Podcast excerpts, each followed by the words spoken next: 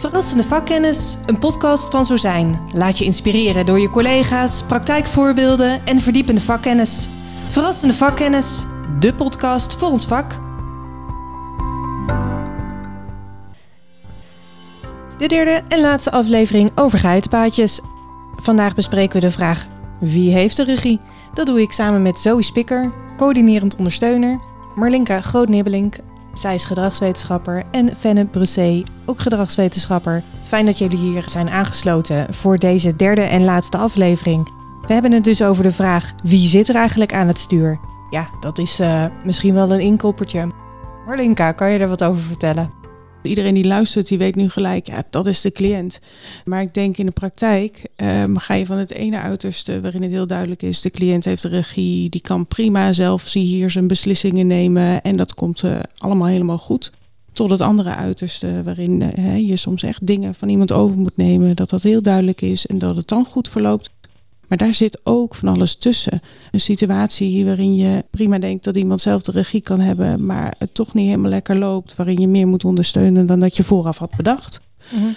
Nou ja, alles wat daarbij kan komen, dat je misschien niet bewust bent van wat je iemand eigenlijk overneemt, waar iemand dat zelf zou kunnen. Of dat je toch per ongeluk met elkaar een mooi doel hebt geformuleerd, maar eigenlijk die cliënt zelf helemaal geen stem in heeft gehad. Dus ja, het lijkt heel simpel, maar het is toch zo belangrijk, denk ik, om het hier goed met elkaar over te hebben. Zoe, als, uh, als Marlinka dit zo zegt, herken jij dit? Ja, ik werk nu al geruime tijd op verschillende groepen. En ik heb natuurlijk mogen meekijken met verschillende zorgplanbesprekingen. En daarin komt ook altijd, nou, welk doel, waar gaan we aan werken? En dat we eigenlijk een uh, vrij nieuwe cliënt bij ons op de groep hadden. Wij uh, wisten nog niet helemaal precies hoe uh, wij met deze cliënt goed konden communiceren. En daarin kwam haar moeder met vrij mooie voorbeelden. We waren op zoek naar, goh, hoe kunnen we haar vrije tijd gaan invullen? Nou, uh, moeder zei, ja, vroeger vond ze puzzelen heel erg leuk. En nou, wij, wij hebben enthousiast puzzels ingekocht en wij uh, zijn met haar gaan puzzelen. En waar we eigenlijk al vrij snel achter kwamen, was dat zij heel veel aanmoediging van ons nodig had om te gaan puzzelen. En op het moment dat ze dan, nou ja, één, twee, drie stukjes had gelegd en jij draaide je om, dan stond ze weer op en dan ging ze, ging ze naar haar kamer, ging ze wat anders doen. We hadden dus een beetje als doel geformuleerd van nou dagelijks even 10 minuten ongeveer puzzelen. En wat we eigenlijk zagen was dat die 10 minuten al te hoog was. Want dat ze had gewoon geen interesse.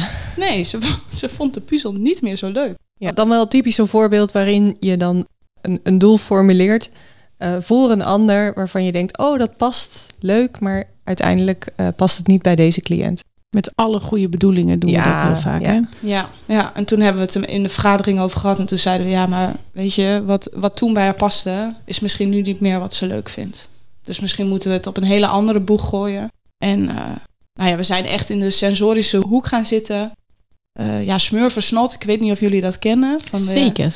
Ja, nou ja, hartstikke leuk. Een beetje shampoo in een zakje. En uh, nou ja, dat vond ze echt fantastisch. De geur, de textuur en hoe dat dan voelde. Nou, daar kon ze heel druk mee zijn. En die puzzel, ja, die bleef in de kast liggen. Ja. En hoe kwamen jullie dan bij dat, dat smurfensnot uh, terecht? Nou, omdat we zagen dat zij dingen oppakte, daaraan wreef. We voelden met haar hand langs het behang op de muur. En op die manier zijn we als spelende wijze aan de slag gegaan. Mooi dat je eigenlijk dus um, vanuit haar eigen geitenpaadjes bent gaan kijken. Want zij gaat een bepaalde weg op en je bent mee gaan lopen. En vanuit daar gaan onderzoeken wat kan er dan verder nog meer een beetje in diezelfde, um, ja, hetzelfde kaliber aan activiteiten. Ja, en zeker omdat ze, nou ja, uh, communicatief is zij gewoon wat minder sterk.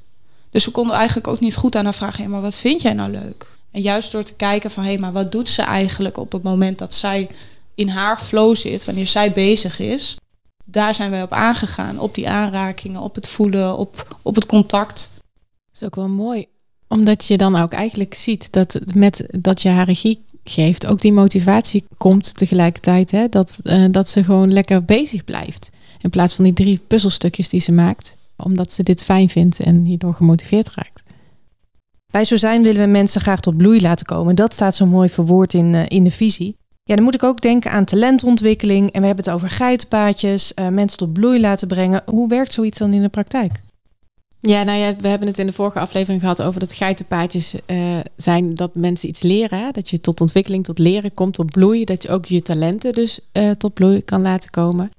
En ik denk dat het voorbeeld van Zoe eigenlijk een hele mooie is om uit te gaan waar iemand zijn drive in heeft, de motivatie in heeft. Hè, uitgaand van wat iemand al laat zien, zeg maar. En om daarop voor te borduren. Om dat als, uh, als eigenlijk kapstokje te gebruiken. Om te kijken van, goh, kunnen we dat uitbreiden? Hè? Is, het, uh, um, is iemand daarvoor gemotiveerd?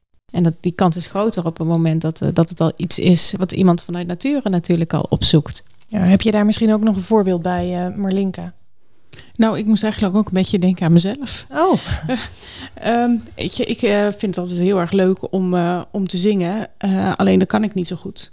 Dus tegenwoordig zing ik dan vaak heel hard in de auto of tijdens het koken. Dat wordt nog wel eens vervelend gevonden. Dus ik doe dat vooral in situaties waarin ik alleen ben. Maar als ik nou zou denken, ik kan heel goed zingen, ik vind dat heel leuk, ik wil met mijn glitterjurk op het podium staan, dan hebben we natuurlijk een heel andere situatie ja, omdat je het uiteindelijk toch niet zo heel erg goed kan als dat je het eigenlijk hoopt te kunnen. Dus een droom van popster uh, zijn. Uh, Precies. En ja. hoe verhoudt zich dat dan tot de regie? Hè? Daar wordt hij misschien een beetje ingewikkelder. Dan heb je het ook wel een klein beetje, als ik zo vrij mag zijn, over overschatting. Hè? Ik bedoel, wij kennen elkaar even, dus ik kan dit zeggen. Dan hebben we het over overschatting. En ik denk dat dat iets is wat we met cliënten ook wel eens meemaken. Dat cliënten dus uh, zichzelf ook overschatten in bepaalde dingen. En um, soms is dat helemaal niet erg, maar soms kom je dan wel op het punt. Als ik jou nou auditie zou laten doen bij Idols en jou eh, zou laten denken dat jij fantastisch kan zingen en je gaat aan plein publiek voor heel Nederland onderuit. Ja, dan dat is natuurlijk ook niet heel goed voor jouw zelfbeeld en voor alles. Dus we moeten. Daar zou ik liever toch tegen beschermd worden. Ja. ja, en hoe doe je dat dan? Hè? Ik de hele tijd tegen jou zeggen van nou, Malenka, je kan echt niet zingen of er een grapje van maken. Is ook nog niet iets waar je bepaald op zit te wachten. Maar hoe kunnen we dan samen in gesprek komen over, nou, je vindt het heel erg leuk dat zingen en ik zie dat je het leuk vindt en je, hè, je staat er ook zo lekker enthousiast bij en je hebt zo'n mooie jurk aan. Weet je, het gaat hier denk ik ook weer om de grondhouding. Hè. Doe dat met respect en denk daarin soms ook even vanuit je eigen perspectief. Want als jij uh, je in mij zou verplaatsen en jij wil eigenlijk het liefst met je glitterjurk hele dagen zingen. Wat vind je dan fijn hoe iemand anders naar jou communiceert? Dat geldt voor mij, dat geldt voor jou en dat geldt voor de mensen uh, met wie wij hier werken. En ik ben dan ook heel benieuwd, wat vind je zo leuk aan het zingen? Want misschien kun je daar wel iets mee. Nou ja, ik hoef niet per se voor een publiek dus. Maar nee. gewoon voor mezelf uitzingen is eigenlijk ook al prima. Precies, en dat je af en toe die glitterjurk aan mag. Een karaokebar, hè, waar je niet nou. zo hard onderuit gaat. nou, dat misschien nog niet. Misschien een uh, playback carrière. Precies. Dus het kan alle kanten op als je maar goed kijkt naar wat is nou daadwerkelijk de vraag die eronder ligt. Waarom wil iemand graag zingen? Waar haalt hij het plezier uit? En hoe kun je dat dan met elkaar een mooie vorm geven? Ja, motivatie is, uh, lijkt me inderdaad een prachtige, mooie onderleg voor een geformuleerd doel. Als je het hebt over het methodisch werken dan uh, daarin. Um, nou, methodisch werken is eigenlijk onze kapstok om vanuit iemands perspectief uh, te kijken naar waar wil iemand heen ontwikkelen. En dus dan komt ook heel goed natuurlijk de motivatie naar boven. Want ja, je kunt met iemand wel ergens heen willen ontwikkelen naar iets waar die niet van gemotiveerd is, maar dan komt er geen ontwikkeling op gang. En hoe doe je dat dan met uh, ontwikkelingen waarvan je denkt van ja, die moeten toch eigenlijk wel uh, plaatsvinden? Iemand zou het vermogen hebben om bijvoorbeeld meer zelfstandig te kunnen functioneren. Daar wil je hem naartoe begeleiden. Hoe doe je dat dan als die persoon dat zelf niet zo uh, heel hard gaan zitten op die motivatie aanboren. Wat zou het diegene brengen wanneer die meer zelfstandig is? En kunnen we iemand dat laten inzien? Want daar gaat het om. Ik denk als iemand echt er niks aan heeft en ook niet dat inziet, dat het sowieso niet goed op gang komt. Nee. Want dan doet hij het voor jou en dan, nou ja, weet je, dat moet je ook niet willen eigenlijk. Nee. En wat betekent dat gewoon voor die persoon zelf? Hè? Ja. Het zelfstandiger zijn. Wat betekent dat? Vorige keer had zoiets voorbeeld van de, de koffie zetten. Ja hebben we het uitgebreid over gehad. Ja, koffie zetten heeft geen zin voor iemand die alleen zelf thee drinkt. Ja, want zo moet ik denken aan een uh, cliënt. Die heeft echt elk technologisch uh, snufje. Maar daar moet ze natuurlijk eerst wel leren mee omgaan. En heel veel dingen houdt ze eigenlijk af, vindt ze spannend. Maar die tablet, dat prikkelde wel. Dat, dat wilde ze wel. Dus nou, wij zijn er allereerst als begeleiding naast gaan zitten. Hebben haar de basisvaardigheden aangeleerd. Zoals wij zelf ook de tablet of een laptop gebruiken. En daarnaast zijn we ook om tafel gegaan met de Zozijnschool. Om te kijken van, hé, hey, wat kan ze nog meer? Want ze was echt enthousiast. Ze was echt op zoek. En soms liet ze dingen zien waarvan ik dacht... hé, hey, maar dit hebben we toch eigenlijk helemaal nog niet aan jou laten zien. Vanuit de Zozijnschool hebben we nog heel veel extra mooie functies aan die tablet kunnen toevoegen. Een voorleesfunctie, een uitvergrootfunctie. Waardoor zij nog zelfstandiger werd. Bijvoorbeeld op de zondag. Bij ons op de woning is het heel gebruikelijk dat we een weekmenu gaan samenstellen. En dan mag iedereen aandragen wat ze willen eten. Voor haar was dat soms heel erg lastig, want zij kon niet lezen, ze kan niet uh, schrijven. Dus ga dan maar in een receptenboek zitten bladeren. Met heel veel tekst, weinig plaatjes. Als zoekende is zij op Pinterest uitgekomen. En daar heb je natuurlijk duizend en één heerlijke recepten.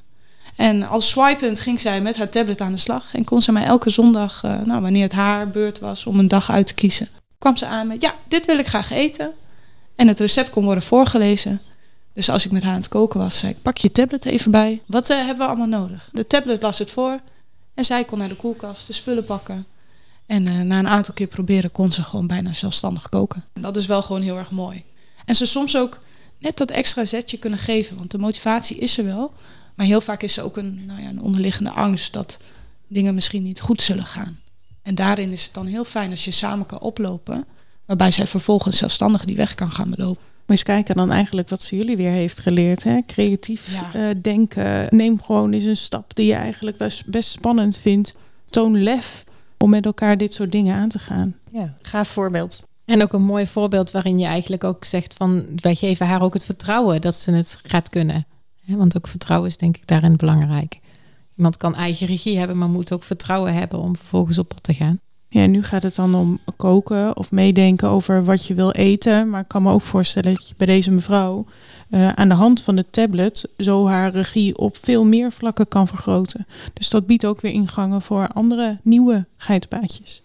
Ik kan me ook eh, voorstellen dat er situaties zijn waarin er eh, bijvoorbeeld een ondersteuner of een ouder of nou, iemand anders eh, eigenlijk vindt dat er een ontwikkeling moet plaatsvinden bij een cliënt. En er is dan een hele rits aan, aan hele goede argumenten voor. Ja, hoe ga je daarmee om als dat niet een wens of een wil is van een cliënt? Nou, ik denk dat het sowieso weer terugkomt bij onze grondhouding. We gaan inderdaad met elkaar de dialoog aan over waarom vindt deze persoon dat zo ontzettend belangrijk voor de cliënt. Hè? En wat zou het voor de cliënt betekenen? We gaan dialoog aan met de cliënt. Goed uitvragen, wil je dit? Waarom wil je dit? Waarom wil je dit niet? We hadden het net zo in benoemde net al even. Hè? Sommige cliënten vinden het heel spannend om iets te doen. Hè? Zitten, zit het eronder dat ze eigenlijk niet zo goed durven? Dan zou je daar nog iets mee kunnen. Hè? Dat, dat ze het eigenlijk misschien wel willen, maar zeggen dat ze het niet willen omdat ze het niet durven. Dat zou ook nog kunnen. Maar vooral in ieder geval goed het gesprek aangaan van waarom vind je dit zo belangrijk? Is dit ook even goed belangrijk voor de cliënt? Wil hij dit, wil hij dit niet? En hoe komen we samen tot iets? Maar wel met het uitgangspunt, als de cliënt echt niet wil en echt niet te motiveren is en echt niet, ondanks alles wat je onderzocht hebt, niet te motiveren is, waarom willen we dit dan? Dat zou de grote vraag moeten zijn die, die op tafel moet liggen. Dus daar moet je het gesprek over aan. En nou, uiteraard heel respectvol. En, eh, want iemand zegt dat niet voor niks. We gaan er altijd vanuit dat iedereen het beste met de cliënt voor heeft. Venne, jij hebt het over het gesprek wat je wil hebben met elkaar. En daarbij is denk ik de beeldspraak van de geitenpaadjes heel helpend. Waarom vindt iemand het spannend om iets te doen? Zijn het nieuwe wegen die nog niet goed aangelegd zijn? Dus zo kun je denk ik de beeldspraak van de geitenpaadjes op zoveel manieren ook gebruiken als je het hebt over de dialoog en de regie. Zit de cliënt nou echt zelf aan het stuur of hebben wij het toch stiekem overgenomen vanuit ons eigen wegennetwerk? Maar ja, het klinkt dan zo simpel, maar dat is het in de praktijk denk ik heel vaak juist niet. Want we hebben te maken met veel mensen om een cliënt heen die allemaal hun gedachten hebben over waar ze naartoe willen. Soms ook de vraag, hè, kan een cliënt nou zelf wel echt de verstandige, en dan doe ik met mijn vingers zo, eh, maak ik aanhalingstekens, verstandige beslissingen nemen? Heeft hij wel overzicht over gevolgen van zijn eigen handelen? Dus het klinkt wel een beetje alsof het allemaal heel simpel is, maar dat is het echt niet. En goede zorg is uiteindelijk dat je met elkaar kijkt wat zijn prioriteiten en wat moet. Eh, en soms zijn er dingen die moeten. Ik moet ook denken aan een jongen die op een groep zit en die jongen die heeft fors overgewicht. Met het risico dat hij uiteindelijk zoveel last krijgt van zijn knieën dat hij zichzelf niet meer kan dragen en niet meer kan lopen. Ja, daar is echt wel nu een belangrijke prioriteit in zijn dag dat hij beweegt. Maar dat vindt hij zelf echt niet leuk. Dus ondertussen ehm, hebben we wel met elkaar gezegd dat is het doel. Hij moet bewegen door de dag heen. Niet zijn eigen regie. Maar waar zit wel zijn eigen regie in? Ja, hoe kunnen we dan dat bewegen toch zo leuk mogelijk maken voor hem? Wat vindt hij dan leuk om te doen? Precies. Of wat vindt hij dan minder niet leuk om te doen? Ja, wat hij heel erg leuk vindt, het liefst zit hij de hele dag met de tablet. Dus Ja. uiteindelijk hebben we met elkaar bedacht, hij heeft een soort fietsje.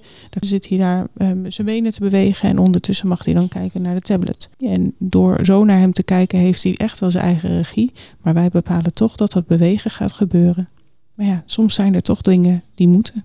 En ik denk dat het veel voorkomend in onze zorg de verzorging is. Hè? De cliënten die verzorgd moeten worden, maar dat niet altijd allemaal even leuk vinden op dat moment. Ehm, die verzorging moeten ze dan op een gegeven moment toch echt gaan krijgen. En hoe ga je dat dan inzetten? Kun je dan iets meegeven tijdens de verzorging waar ze mee kunnen spelen? Eh, kun je een afleidend muziekje? Of is het juist heel belangrijk om niks afleidends te hebben? En ehm, dan is het ook heel goed kijken hoe doe je het. Maar het feit is dat we dit stukje regie even overnemen, want het moet gebeuren. En toch kan iemand in zo'n situatie wel regie hebben. Want je kunt echt met elkaar afspreken. We nemen dit serieus. We kijken naar zijn signalen. Wat laat hij zien? Hoe reageren we daar zo goed mogelijk op? Want hij vindt het oncomfortabel. Maar je kunt altijd nog wel daarin de cliënt serieus nemen. En de regie zit in dat moment niet in of dat het gaat gebeuren, maar hoe het gaat gebeuren. Dat herken ik wel vanuit de woning. Soms moeten dingen gewoon gebeuren. En zit dan bijvoorbeeld ook regie in het aanbieden van opties? Keuze A, B of C. Jazeker. Ik denk dat eh, je heel veel keuzes kunt geven daarin. Hè? Zoe, heb jij voor ons nog een voorbeeld waarin ja, de regie van de cliënt soms nog wel eens onder druk staat? Dat is binnen groepswonen eigenlijk heel vaak het geval. Je hebt te maken met heel veel verschillende individuen die toch samen op een bepaalde manier samenleven. Nou ja, dan moet ik bijvoorbeeld denken aan een, aan een cliënt die tijdens het gezamenlijke eetmoment toch vaak wel vastliep.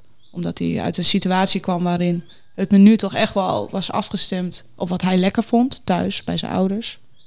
En nu komt hij opeens in een groep terecht waarin ook andere dingen op tafel komen. En dat, dat roept spanning op, dat roept angst op. Ja, want dan, dan op de groep, dan kook je toch iets anders.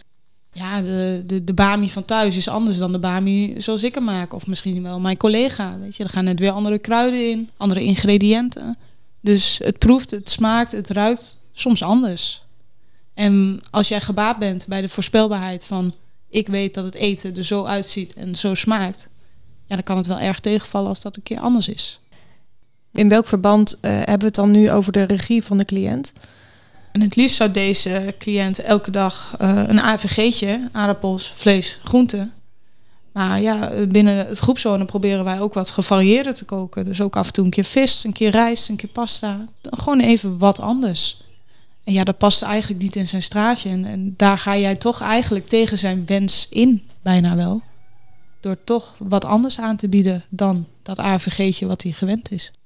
Ja, en ik denk zonder dat ik deze situatie nu meteen wil oplossen hoor. Maar ik denk wel dat je het daarin met elkaar kan hebben over de regie en over de beeldspraak van de geitenpaadjes. Want het feit is, je eet anders dan dat hij gewend is. Maar welke regie kan hij daarin hebben? Kan hij toch ergens nog meedenken in wat er de hele week gegeten gaat worden? Of eh, kan hij mee boodschappen doen? Of neem hem en zijn signalen in ieder geval serieus en ga het daarover hebben met elkaar. Want ehm, wat zijn snelwegen als je het hebt over eten? En wat zijn die van de woning? En hoe kun je die met elkaar verbinden? Kan hij eh, vanuit wat hij kent kleine afslagen nemen? Of moet je vanuit de maaltijd zoals je die gewend bent met elkaar kleine afslagen creëren, zodat je dichter bij elkaar komt? Dus zo kunnen het gesprek over de regie en de geitenpaadjes je denk ik wel helpen om dichter bij elkaar te komen. Hebben jullie suggesties voor mij hoe ik dat zou kunnen aanpakken? Er zijn allerlei dingen mogelijk. Ook ik ken de cliënt natuurlijk niet. Dus eh, pak er vooral uit wat past. Ehm, zo je zou kunnen denken aan samen boodschappen doen, samen, eh, samen koken, samen kijken welke ingrediënten erin gaan. Ehm, bijvoorbeeld bij de bami die jij serveert, eh, wat sperzieboontjes apart doen en dan laten zien dat de spersbonen er ook in zitten, maar dat hij er ook een paar apart mag pakken. Eh, een keer wel de aardappelen, groente, vlees koken zoals hij thuis gewend is, zodat hij ook een succeservaring aan tafel heeft. Er zijn allerlei dingen die je eruit kan pakken. Eh, waarvan ik denk, oh, dat zijn wel aanknopingspunten om te kijken van goed, kun je die weg- weggetjes goed met elkaar verbinden, hè? die geitenpaadjes en die snelwegen. Dus daar kun je dan samen ehm, nou, naar kijken wat, wat passend bij hem is. Ja, dus eigenlijk gewoon die afslag net wat duidelijker aan gaan geven voor hem. Precies. Ja, de geitenpaadjes en de regie geven aan de cliënt, daar hebben we al heel erg veel over besproken. Fenne, mag ik jou vragen, wat is nou het belangrijkste om te onthouden daarin? Nou, ik denk dat het allerbelangrijkste is dat we moeten onthouden, is dat de cliënt aan het stuur zit. En dat die het gevoel moet hebben dat hij zijn eigen weg kan bewandelen. Dat hij dus bijvoorbeeld zijn eigen keuzes kan maken en zijn eigen routes kan bepalen. En uh, dat hij daar dus ook af en toe ondersteuning van nodig heeft van de mensen om hem heen, die een stukje met hem meelopen. Uh, om weggetjes te vinden, om uh, samen te lopen, maar ook om nieuwe wegen aan te reiken. En nou, ik denk dat we dan al een heel eind komen met wat het allerbelangrijkste is. Hiermee komen we aan het einde van de podcastreeks over geitenpaadjes en snelwegen. We hebben de beeldspraak over de geitenpaadjes verkend vanuit verschillende kanten. Heel erg bedankt voor het luisteren. Marlinka, Fenne en Zoe, bedankt dat jullie dit met mij uh, wilden gaan verkennen. Tot de volgende keer bij de podcast Verrassende Vakkennis.